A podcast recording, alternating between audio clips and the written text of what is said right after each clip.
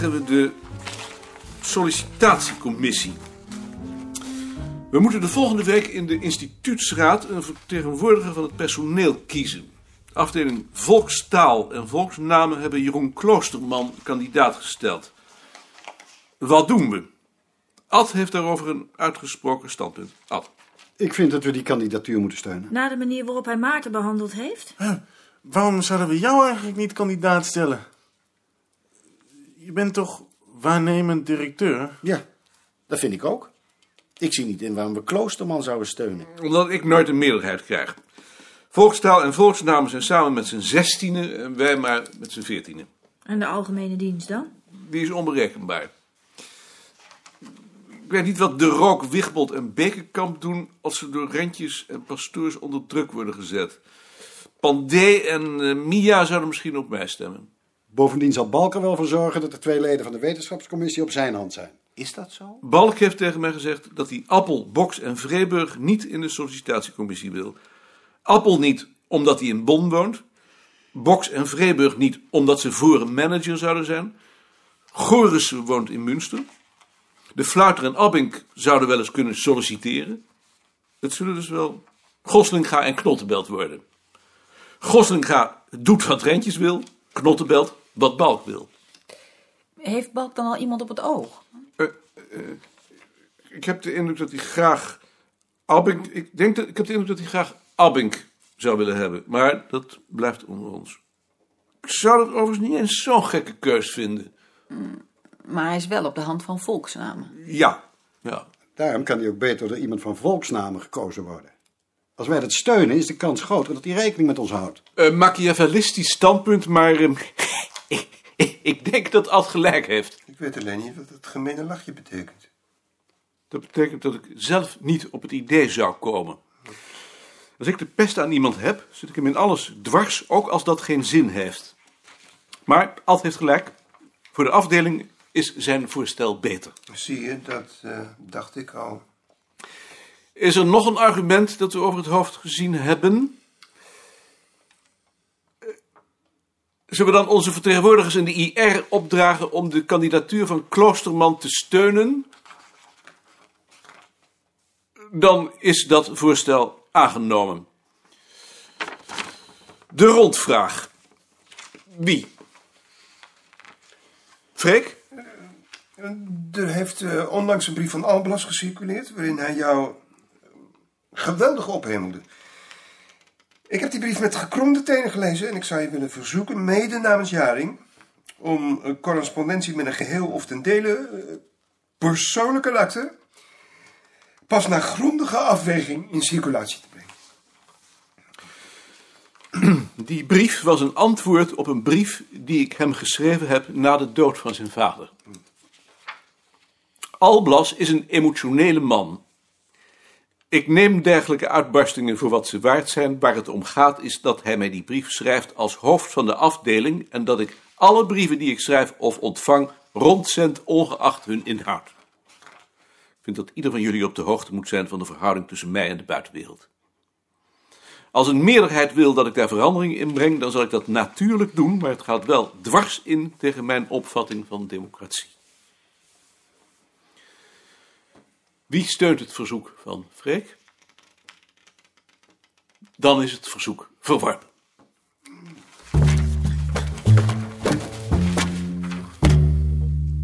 Had Freek gelijk? Nee, ik vind het heel goed dat je alles laat lezen. Ook als het gunstig voor mij is? Natuurlijk, dat maakt toch geen verschil? Freek is gek, Maar Jaring steunt hem. omdat Jaring stikt in zijn wrok.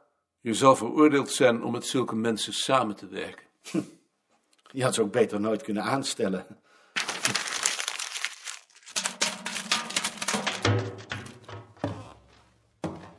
Als Frans Kutteluur de directeur levert, dan moeten we straks allemaal tweede klas rijden. En boterhammen uit de zakje. Kun jij niet solliciteren, Huub? Jij bent nu gepromoveerd. Koos is ook ongeveer. Nee, zeg. Dan kan ik straks niet met de, de, de, de, de, de Denemarken. Eh, laat Huub het maar doen. Als Abink het niet doet, dan eh, wil ik er wel over denken.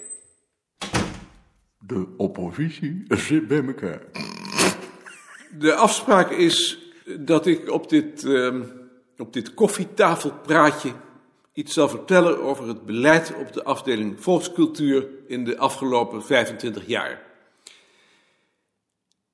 Ik begin met een anekdote. In 1958, toen ik hier net was, organiseerde de Duitse Atlas een congres waarvoor Beerta en ik ook waren uitgenodigd.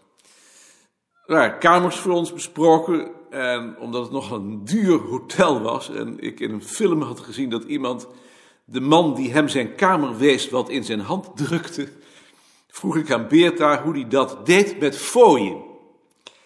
Waarop Beerta de in mijn ogen onsterfelijke woorden sprak, als een heer een man ontmoet, dan geeft de heer de man een fooi. Met dat antwoord tekende Beerta het maatschappijbeeld niet alleen van hemzelf, maar van zijn generatie. Voor de generatie van Beerta was de maatschappij ingedeeld in duidelijk van elkaar afgebakende sociale groepen, vereenvoudigd gezegd, heren en mannen, hoeden en petten. Dat beeld was nog verscherpt door de crisis van de jaren dertig, die als elke crisis verstarrend werkte op de sociale verhoudingen. En die verstarring had weer tot gevolg dat het verkeer tussen die groepen sterk geformaliseerd was. De afstand tussen Beerta en een boer of een arbeider was menselijk gesproken onoverbrugbaar groot. Het waren twee van elkaar gescheiden werelden. Als Beerta voor zijn werk contact zocht met een boer of een arbeider, dan deed hij dat bij voorkeur via een hoofdonderwijzer vanaf zijn stoel. Diep in zijn hart vond hij zulke mensen griezelig, onberekenbaar.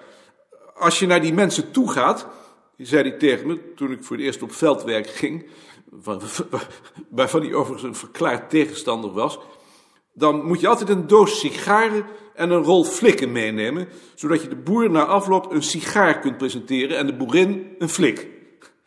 Die doos sigaren heb ik nog altijd. Er is één sigaar uit. Ik vond dat presenteren zo vernederend voor die man dat ik het daarna nooit meer gedaan heb. Ook deze tweede anekdote werd met doodgraversgezichten aangehoord. De sfeer was ijzig. Terwijl hij uitlegde dat dit statische maatschappijbeeld verantwoordelijk was voor de veronderstelling dat de lagere sociale groepen soms eeuwenoude tradities bewaarden en anekdote op anekdote stapelde, voelde hij dat hij geen contact had. Van die druk wist hij zich tenslotte te bevrijden door zich alleen nog tot zijn eigen mensen te richten. Hij verklaarde de omslag in het denken niet voor de eerste keer overigens, uit de machtswisseling in het begin van de jaren zeventig, toen een generatie aan het woord kwam die was opgegroeid in een tijd van ingrijpende veranderingen en daardoor belangstelling had gekregen voor processen. Ook dat lichtte hij toe met anekdotes en hij had de indruk dat hij bij Frits, Lien en Eve, die vlakbij hem zaten, wel aansloegen toen Sien midden in een anekdote plotseling zei... Denk je erom dat je al vijf minuten over tijd bent? Je hebt gelijk, ik, uh, ik zal afronden. Um, waar het dus op neerkomt is dat het idee dat de wetenschap voortdurend voortgang boekt en steeds dichter bij de waarheid komt, een fictie is. Fictie is. Iedere generatie legt haar eigen maatschappijbeeld op aan de feiten om daaruit vervolgens de zekerheid te putten dat dat beeld juist is. Waar ik voor pleit is die samenhang meer dan tot nu toe gebeurd is tot grondslag van ons onderzoek te maken. Dankjewel. Heeft er iemand nog een vraag? Huub? Je kunt de veranderingen in de wetenschap toch niet aan één persoon ophangen? Nee, dat, dat heb ik dan ook niet gezegd. Nee, dan is het goed. Dan is het goed. Nog iemand? Dan gaan we maar weer aan het werk. Dat is de laatste keer dat ik naar een koffiepraatje geweest ben. Met Koning? Met Willem Vreeburg. Dag Willem. Ik heb net stukken van de wetenschapscommissie gekregen. Ja? Daar is ook die profielschets bij. Ja. En ze willen jou niet, hè? Nee, dat is duidelijk. Wil je dat ik daar iets van zeg? Dat vind ik erg aardig, maar ik heb er mijn handtekening ook onder gezet. Je, je wilt... eh, je, eh, je wilt geen directeur worden. Nee, Eh, da- dan heeft het ook geen zin. je komt toch wat vroeger, hè? Dat was ik van plan. Dan leg ik het wel uit. Ja. Ik vind het in ieder geval heel aardig. Nee, nee, zeg nee, dat is vanzelfsprekend. Eh, tot vrijdag. Mark vond je praatje ver beneden peil. En dat vond jij wel leuk. ja, natuurlijk. Maar ik ben het niet met hem eens. Jij wast je handen in onschuld. ik gun het je.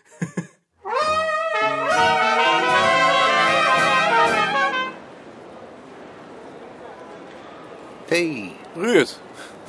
ik dacht al. Ik zou je hier vast zien. Maar je vond het niet nodig om naar me uit te kijken. Nee, ik dacht, als je er bent, dan zul je mij wel zien. De Intercity naar Arnhem vertrekt vandaag van spoor 11A. Herhaling. De Intercity naar Arnhem vertrekt vandaag van spoor 11A.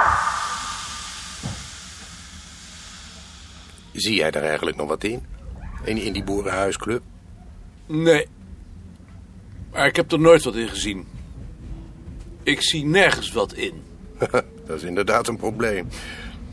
Maar toch heb ik vroeger wel eens gedacht. Als we nou maar 500 van die boerderijen hebben opgemeten... dan zal Cassis toch wel tevreden zijn. Maar dan heb je ze opgemeten... en dan komt zo'n Piet Verdijk vertellen dat het niet goed is gebeurd... en dat we weer helemaal opnieuw moeten beginnen. Dat komt omdat die verzamelaars altijd verzamelen wat een vorige generatie belangrijk vond. Eigenlijk hadden ze zo'n Cassis vroegtijdig onder curatele moeten stellen. Toen we in de tijd die boerenhuisclub oprichtten... bij jullie in het hoofdbureau... toen lag daar een schuit met puin voor de deur... En ik heb toen nog tegen Beerta gezegd... als we Cassis daar nou eens mee afvoerden... dan waren we meteen van een hoop ellende af. Maar Beerta wilde er niet aan. Je legt daarmee ook wel de bijl aan de wortel van wat ze wetenschap noemen. Oh, denk je? Ik zou het niet erg vinden. Nee, dat weet ik. Begrijp jij nou wat zo'n Cassis bezield heeft? Jawel. Ehm hij heeft een keer een oud boerderijtje gezien... en dat heeft hem ontroerd. Vergankelijkheid, de zin van het leven. Waar komen we vandaan? Waar gaan we heen? Dat soort vragen. Toen heeft hij gedacht, dat wil ik vasthouden. Van dat boerderijtje wil ik alles weten. Alles. Dat, dat boerderijtje waar hij een proefschrift over wilde schrijven. Maar dat kon hij niet. Dus toen dacht hij, ik moet van veel meer boerderijen alles weten. Dat is hem boven het hoofd gegroeid. Toen heeft hij de Boerenhuisclub opgericht om hem daarbij te helpen. Ja, ja, zo is het gegaan. Zo is het ook met mijn bureau gegaan. Het zijn allebei uit de hand gelopen hobby's.